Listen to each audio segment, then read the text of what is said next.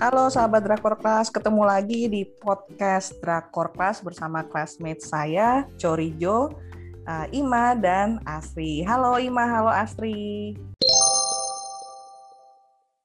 Hai. Halo Kak Rejo. Hai, malam ini kita mau ngomongin drama yang bikin kita tersongkang-songkang. Playboy cap kupu-kupu yang kalau ngundang cewek ke rumahnya, ayo mau lihat kupu-kupu nggak? Wow, trik baru banget. Gimana nih sinopsis dramanya, Ima? Nevertheless. Hmm, hmm, hmm, jadi yang bakal kita omongin ini adalah drama anak muda masa kini ya, judulnya Nevertheless. Hmm. Uh, diperankan oleh Song Kang sebagai Park Jae-on, uh, di mana dia itu seorang cowok yang nggak bisa berkomitmen gitu. Tapi suka tebar pesona ke mana-mana gitu kan kayak kupu-kupu menghinggapi bunga-bunga. Salah satunya yang dihinggapi adalah Han Sohee sebagai Yunabi gitu. Cewek yang katanya sih malu-malu terus uh, baru putus dia nih sama pacarnya. Uh, habis itu merasa terhianati dan akhirnya nggak mau lagi menjalin hubungan dengan eh, laki-laki uh, lain gitu. Tapi begitu ketemu sama si Park Jeon, langsung lu tuh hilang deh. Dia lupa kalau misalnya dia lagi patah hati gitu kan ya. Iya, iya. Itu terjerat lagi gitu di dalam uh, akhirnya menjalin hubungan tanpa status gitu kan. Tanpa status tapi bareng. Tanpa status tapi selalu sama-sama gitu ya tanpa status ya. Iya. Tanpa status tapi nggak TTM gitu ya. Nah, iya. tapi friends with benefit itu pak. Iya ceritanya friends with benefit. Ini lucu ya soalnya si Song Kang jadi Park Jeon yang punya tato kupu-kupu di tengkuknya. Nah, si Mas hmm. kupu-kupu. Sedangkan Nabi, Yunabi, Nabi artinya kupu-kupu juga dan drama sebelumnya Songkang itu Nabilera tulisannya Nabirera jadi agak-agak kenapa dengan kupu-kupu ini si Songkang? Kalau Asri gimana? Udah pernah nonton Songkang sebelumnya? Belum sih baru di drama ini. Hmm. sebelumnya aku belum pernah nonton Songkang. Tapi menurutku di drama ini aktingnya sih keren gitu. Jadi cowok playboy itu dia oke okay banget ada ini bandingannya. Kayak bener-bener yang kita lihat matanya aja waktu dia natap gitu. Uh-uh. udah kayak lumber gitu. Ini tiga ajuma Pantas loh aja si Nabi. ngomong. aduh deh deh gitu ya. Aduh adek adek gitu. Jadi nggak tahu sih ya aktingnya dia di drama lain tapi iya. dari nonton ini jadi pengen nonton dia di drama-drama yang lain gitu sih. Oh berhasil berarti ya bikin kita bikin apa pengen nonton yang lain. Kalau Han Sohee pernah lihat nggak? Aku nggak pernah aktingnya dia. Han Sohee belum. Aku di apa itu? World, World of Merit. Uh-uh. couple. Itu aku juga nggak nonton sih. Jadi baru ini sama-sama film pertama Song Kang dan Han Sohee oh Ima nonton? Abis? Aku nonton Justru aku nonton dia itu karena lihat di uh, The World of the Married sama oh. di 100 Days My Prince itu kan dia main juga tuh dan oh, dua-duanya tuh jadi mm -mm, oh, jadi oh. antagonis oh. kan. Iya. Mm. Oh ada ya? Dia juga dia jadi ini dia jadi istrinya tapi uh. si Do-nya tuh nggak suka gitu sama dia gitu pas di 100. Oh iya ya itu Han Sohee ya. Iya iya benar mm -mm kan ya, si baru inget nya uh, hilang ingatan terus sama si cewek yang satu lagi itu kan siapa sih namanya? Yang sama si iya, yang lupa deh namanya. uh -uh. Kang Wok itu kan. Oh jadi mm -mm. istri aslinya si pangeran di situ. Mm -mm, cuman dijodohin gitu. Mm -mm. tapi sebenarnya dia tuh baik sih di di sana cuman karena uh, ya itulah intrik politik gitu kan akhirnya dia ngikut bapaknya jadi jahat juga gitu di situ jadi antagonis juga lah masuknya biarpun ya aslinya baik gitu. Nah aku penasaran nih dia beneran jadi protagonis kan ceritanya di Nevertheless ini, makanya aku hmm. nonton drama ini gitu, bukan karena songkangnya justru. Oh, karena okay. si ceweknya ini pengen tahu aja jadi kalau jadi orang baik cocok nggak sih gitu. jadi Ima sisinya Han Sohee, Astri netral karena nggak pernah nonton sebelumnya ya. Kalau aku sisi Songkang karena benar-benar terpesona banget sama Nabilera. Jadi yang hmm what? Itu drama 12 episode doang tapi padat. Terus dia benar-benar nari balet. Terus jadi playboy cap kupu-kupu kan jadi penasaran ya. Iya gitu deh. Terus gimana? Terus? Nah gimana itu menurut Kak Rijo tuh? Dari dia di Navilera jadi cowok baik-baik terus di sini jadi cowok kayak gini gimana kak? Yang lempar HP yang belum lunas. so banget. Abis episode satu tuh ngedrop tapi sebenarnya karena faktor ceweknya sih. Cewek itu pas banget. Meranin kayak begitu. Jadi aku nggak suka. Ditonton kayaknya. Aku dulu juga awalnya nggak ingin nggak tertarik sih ya nonton drama ini. Terus gara-gara rame diomongin di grup itu oh kayaknya menarik dia ceritanya tentang playboy. Jadi aku mulai deh nonton. Dan ternyata seru. Aku nggak nonton. Walaupun nah, cuma juga... sekedar cinta-cintaan Gimana aku juga nontonnya salah satu alasannya karena baca webtoonnya juga sih ah udah baca duluan ya salah uh, aku baca iya, webtoonnya malah kok gini gambarnya, gambarnya kurang ini ya. Oh, iya gambarnya jelek. Tuh. Ceweknya nggak ganteng. iya, nggak seganteng Songkang itu. Itu bagus banget tuh Songkang. Cuma nonton episode 1, nulis kesan terus bilang ngedrop, tapi tiap kali buka Instagram ada dong spoilernya kan. Jadi berasa udah nonton. skip pause pause pause skip skip skip langsung gitu kan. Emang rate-nya ini ya 19 plus gitu kan ya. Awalnya 16 plus, terus pas episode berapa ya jadi 19 plus? Ada dua. Ya, yang pas ada adegan boba-boba itulah. Iya, yang udah mulai menjurus. Aduh, sahabat drakor pas kalau nonton itu bener-bener lah panas dingin. Siap-siap bantal tutupin mata. Episode ah, mau lihat. panas dingin episode 4 panas dingin. ini gimana nih relate-nya drama ini dengan kehidupan remaja zaman sekarang? Kata orang ini drama anak kuliah, tapi yang bener aja anak kuliah kayak begini atau gimana menurut Ima sama Asri? Uh, aku ya, kan aku baca webtoonnya nih. Mm -hmm. Nah di webtoonnya itu banyak banget kak yang bilang, wah ini relate banget nih sama kehidupan gue gitu. Terus yang kayak, iya nih aku juga baru di ghosting gitu-gitu loh. Jadi oh. kayak nggak tahu apa dulu aku yang hidupnya lurus-lurus aja gitu ya atau uh, kehidupan remaja zaman sekarang tuh udah udah beda gitu ya. Uh. Cuman aku sih nggak pernah belum pernah sih menemukan um, apa namanya cowok macamnya si Park Jeon gitu di kehidupan nyata. Adapun uh-uh. ya waktu zaman kerja gitu dan oh. gak, kayaknya nggak nggak kayak gitu juga sih nggak semirip itulah gitu nggak gitu-gitu amat gitu ya ah, Deka mas. Kalau Asri gimana? Pernah nemu nggak? Uh, aku maksudnya yang mirip Jeon apa mirip Nabi? Kalau playboy playboy gitu sih dari zaman kuliah dulu juga banyak nggak mm. zaman kuliah. Eh tapi kalau kuliah mah nggak begitu kelihatan ya. Sudah kerja tuh ada lah beberapa yang kayak gitu. Halo tapi Deka. Pernah itu nggak? Eh, ya, Halo. Ya. Maaf ya. Gak apa-apa. Sorry Ima kepotong. Kita bilang halo dulu ke Deka ya. Iya, iya, iya. Halo Mbak Deka, halo. Halo. Hai Mbak Deka. Teman-teman. Gimana kita belum heboh kok. Belum oh belum heboh. ya? Belum. Hebohnya kan nungguin Mbak Deka ini. Kenapa hebohnya nungguin aku? Karena dirimu selalu semangat nonton setiap Sabtu. Iya, biar rame, soalnya nggak ada nggak ada lagi ongoing yang diikutin. iya ya, agak sepi ya akhir-akhir ini. Selain hospital playlist ya, ya banyak sih, tapi mungkin genrenya aku nggak. Hmm. Oh, Devil Judge nggak nonton? Hukum. Kenapa? Devil Judge. Oh iya iya nonton itu cuman nggak nggak semangat ngikutin ongoing maksudnya pas harinya. Mesti selalu pas nggak harinya. Iya sudah jadi cuman Kamis dan Sabtu.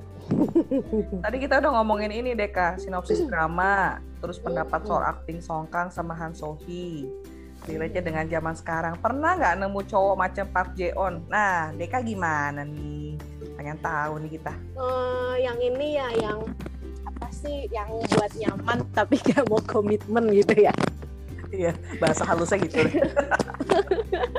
Iya pernah, cuman mungkin nggak ini ya, nggak seperti Pak Dion sama Nabi ya yang skinship seperti itu banyak uh. sih sebenarnya uh, apa kadang itu memang uh, kita itu bisa deket dan nyaman sama seseorang tapi kayaknya kalau buat komitmen itu nanti bisa rusak gitu boy. Kan kayaknya kemarin tuh yang aku lihat Pak Jeon itu kan udah mulai kebuka satu-satu kan ya kenapa dia nggak nggak apa nggak mau komitmen kayak gitu-gitu kan.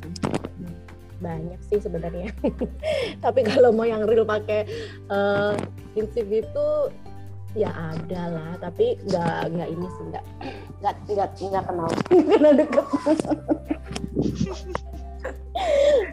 jadi cowok-cowok dengan isu seperti Park Jae-on tuh hmm. berarti punya masa lalu yang perlu kita gali. Cile. iya dong. Semua orang tuh kan setiap tindakannya ada latar belakangnya. Eh enggak.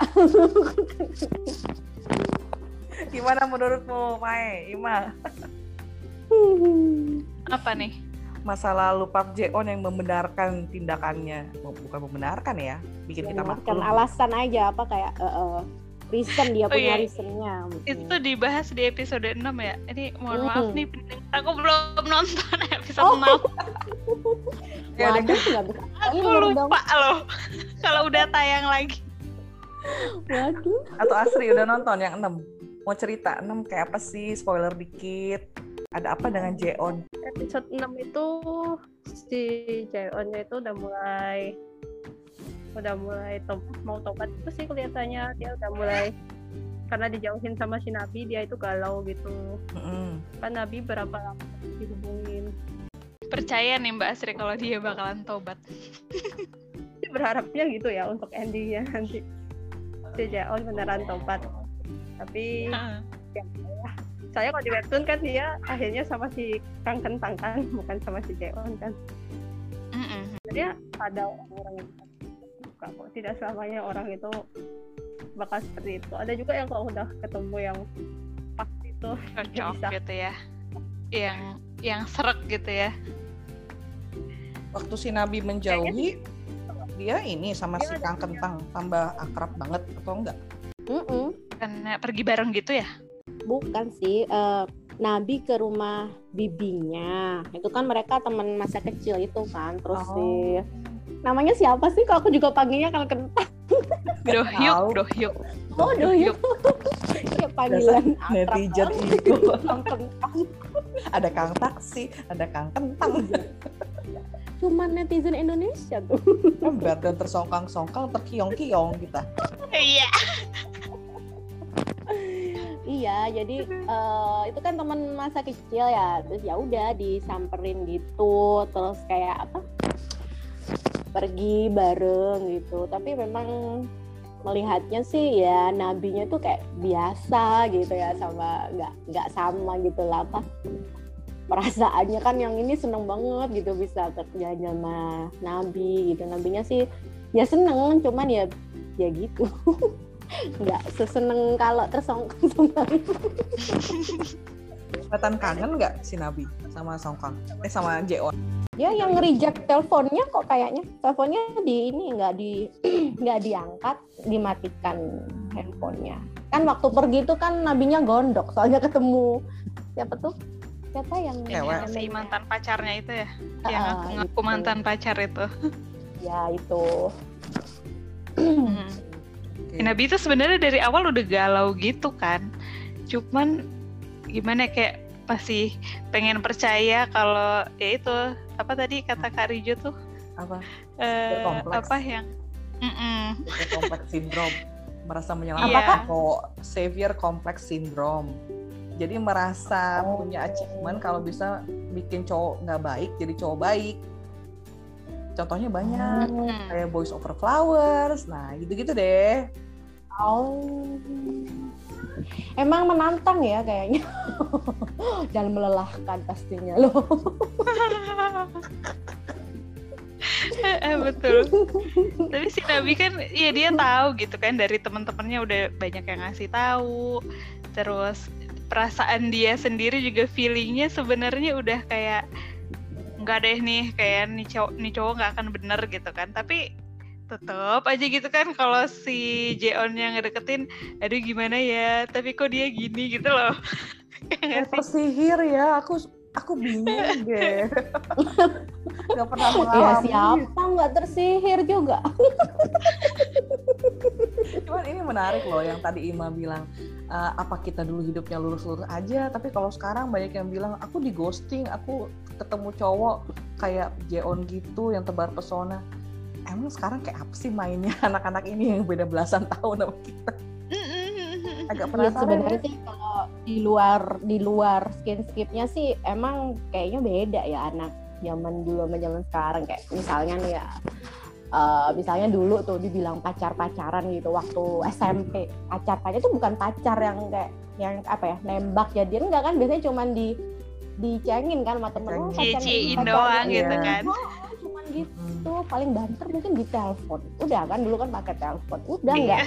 udah pergi-pergi. Tapi emang ngeri sih 10 tahun lalu ketika pertama kali aku ke Jakarta murid-murid aku yang SMP kelas 3 oh. juga udah wow gitu.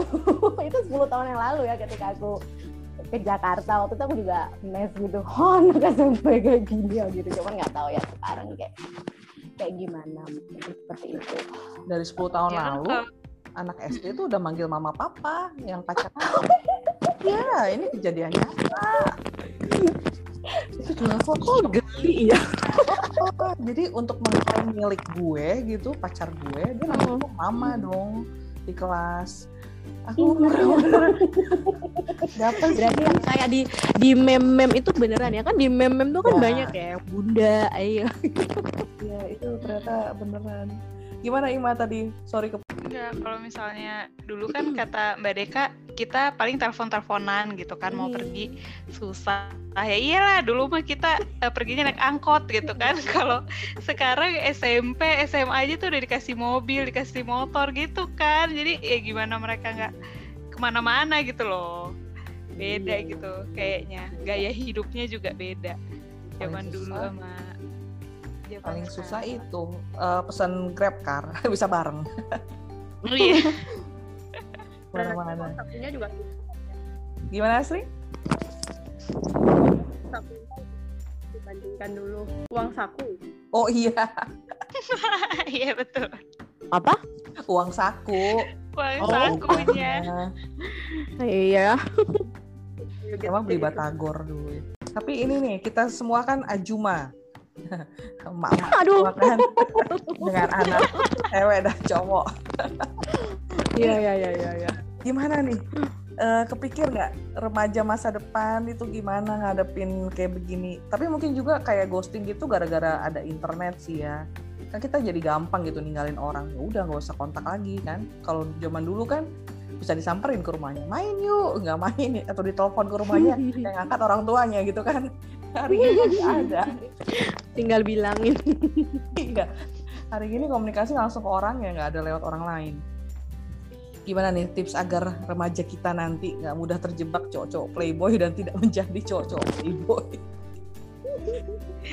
Kak Rijo mungkin yang anaknya udah beranjak hmm, Kak Rijo nih mulai persiapan nih, nih. Pritin iya. nih. apa ya? Anakku ini sih ya kalau suka juga sukanya BTS terus ngeceng bareng sama maknya jadi nggak nggak ada yang perlu dikhawatir tapi ya itu kalau mengidolakan um, apa ya uh, mengagumi keindahan ciptaan Tuhan. Kayak dia suka tuh si uh, Ikjun. Lucu menurut dia emang lucu kan di dia hospital Paris kan. Jadi oh iya kita jadi kita sama-sama gitu ngefans. Tapi kalau sama lawan jenis tuh belum ada sih teman-temannya ada sih yang udah uh, ceng-cengin gitu. Dan iya, iya. agak ngerinya karena mereka udah pada pakai HP sendiri tapi anakku kan nggak punya HP sendiri.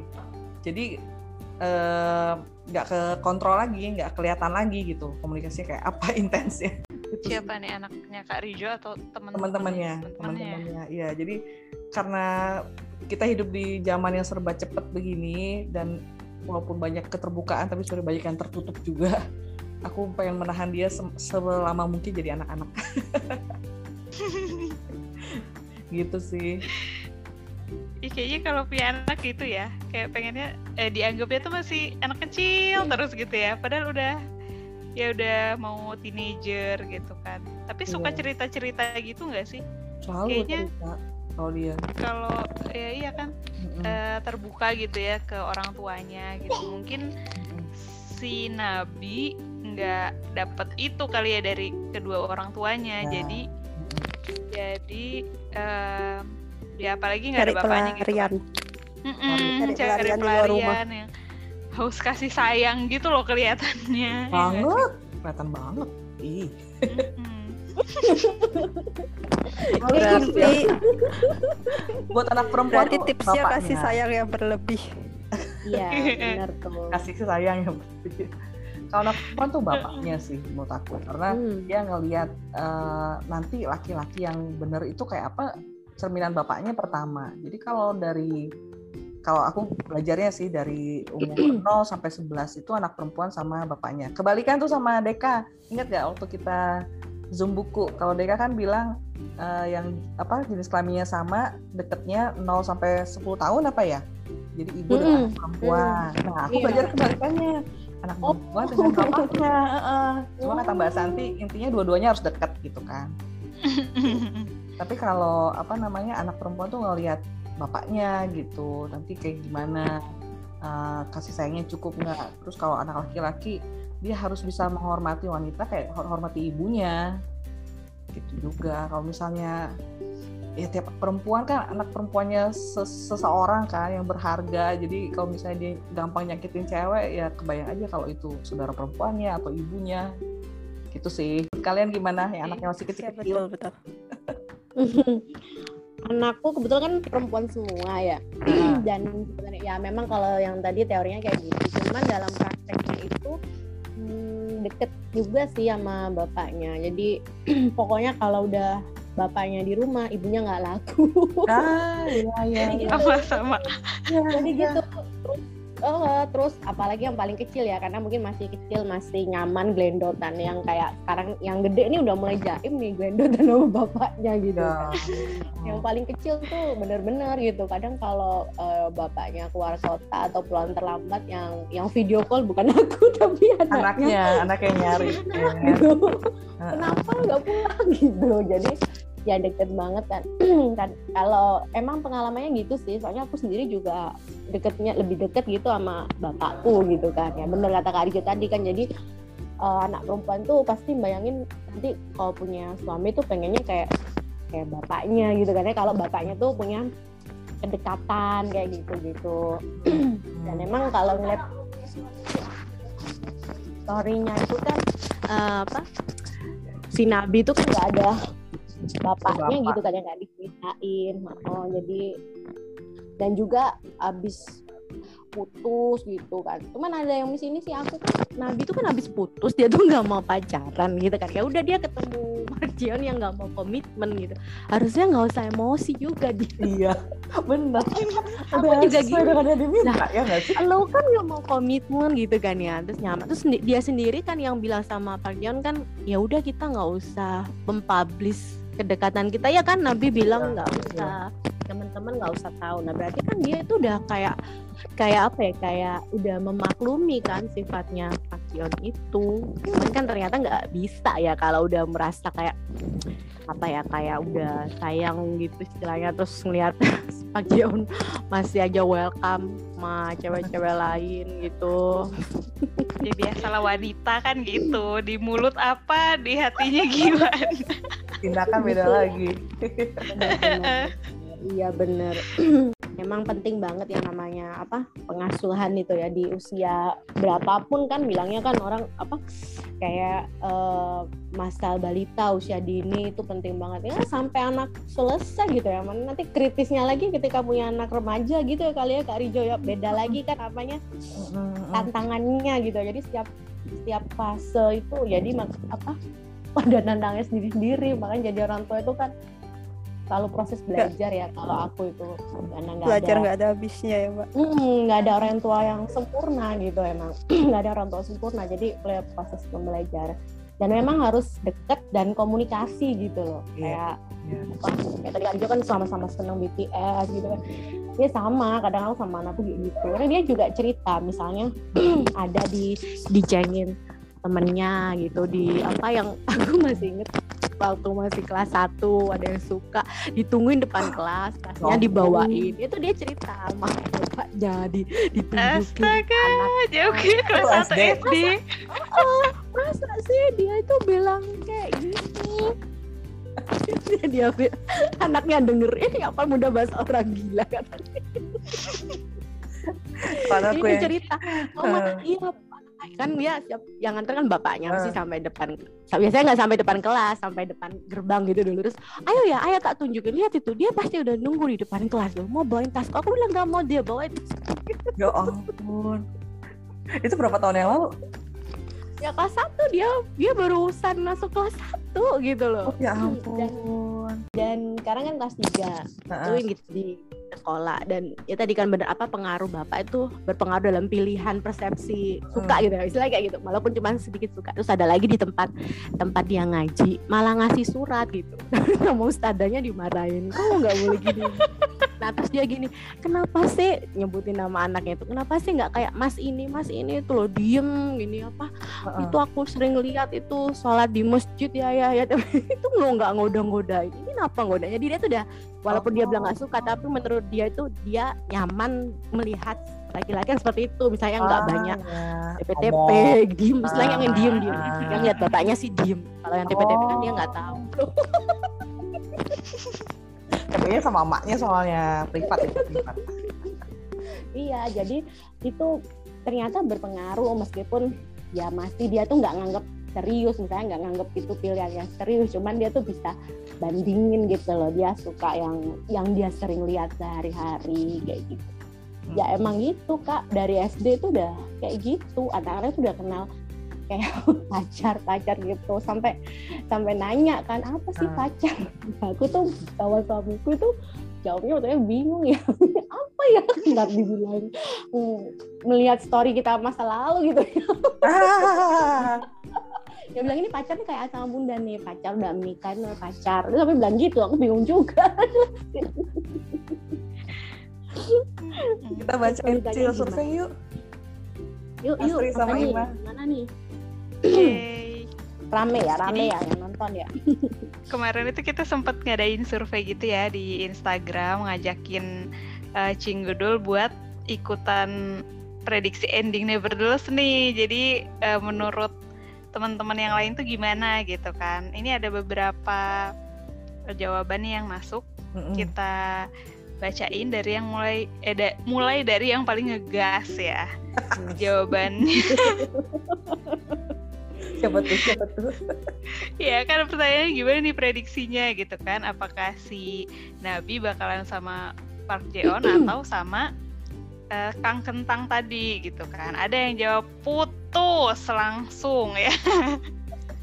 Jadi sama Jeon udahlah putus aja gitu N. Jadi uh, mungkin pilihannya ke si Dohyuk itu teman kecilnya Nabi. Terus ada juga yang jawab pisah sama Jeon dan Nabi fokus untuk mewujudkan mimpinya studi ke luar negeri. Wah, luar biasa jawabannya ya.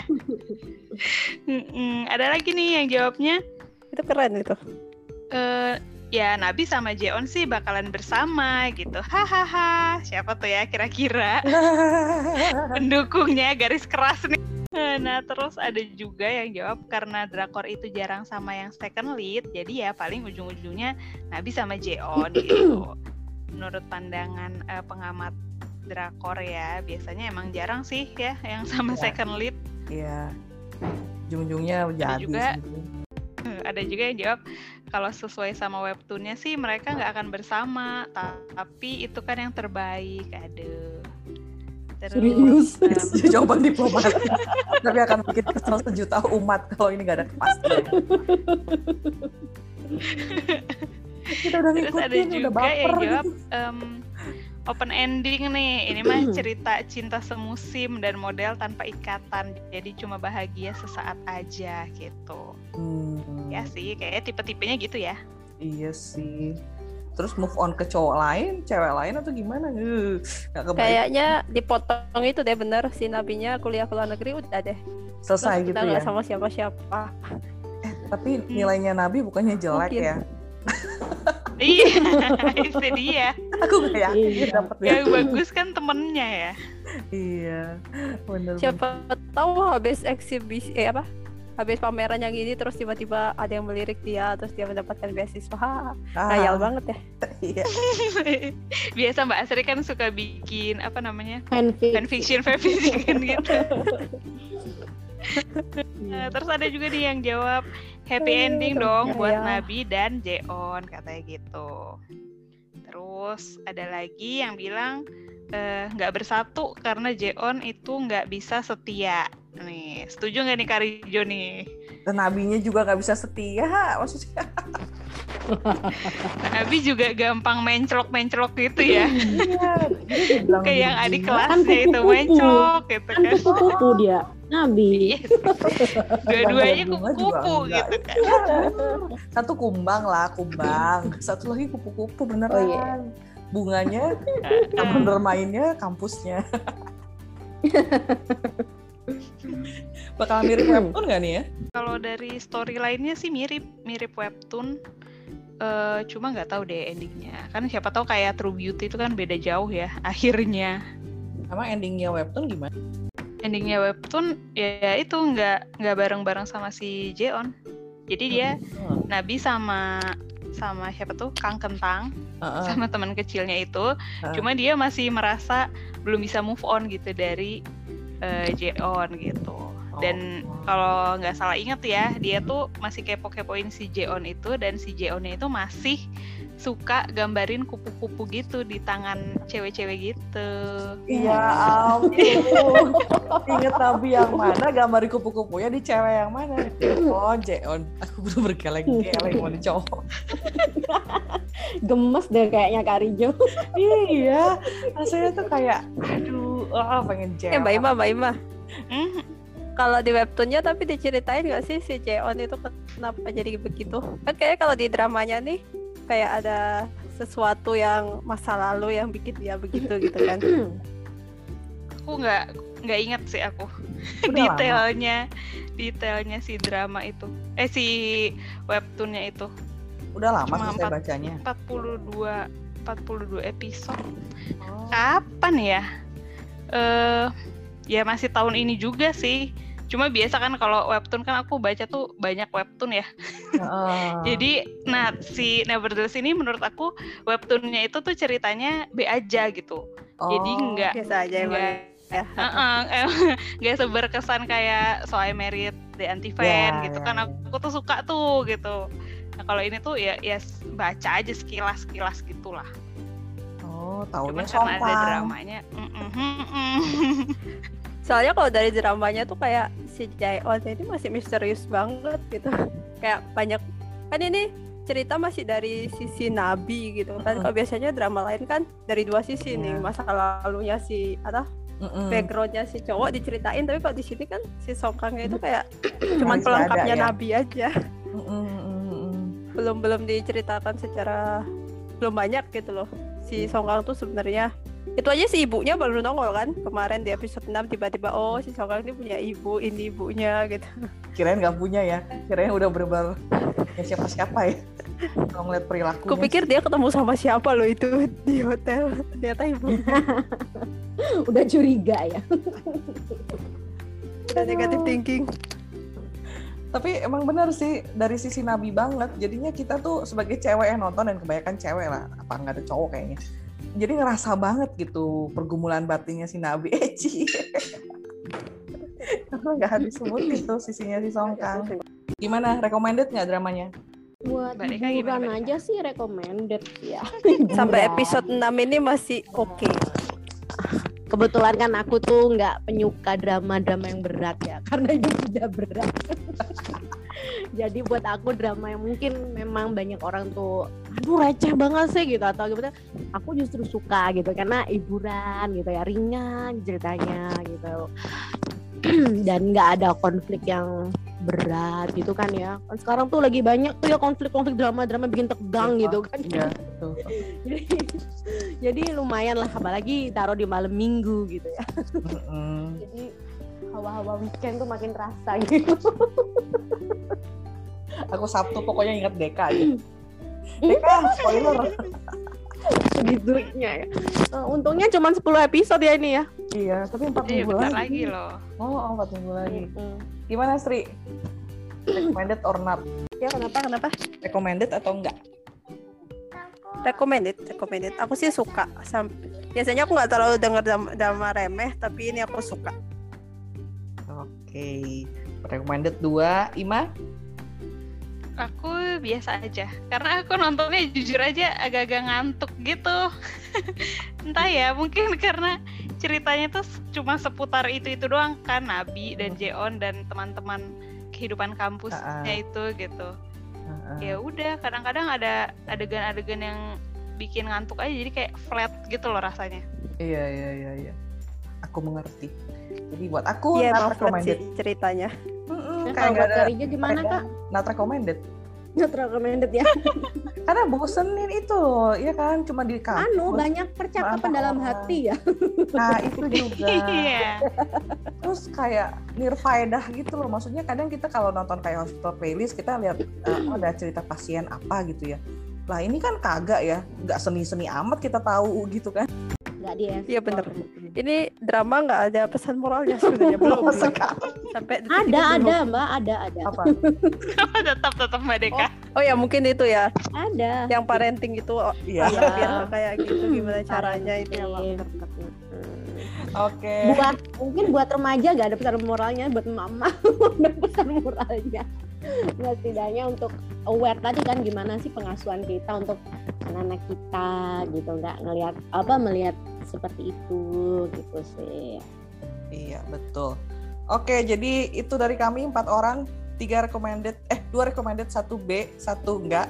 Oke sahabat rekor kelas, tadi udah kita dengar review singkat tentang Nevertheless dengan rekomendasi dari empat classmate rekor kelas. Kalau Mbak Deka bilang recommended, Asri bilang recommended, kalau Ima bilang biasa aja, kalau saya bilang nggak recommended.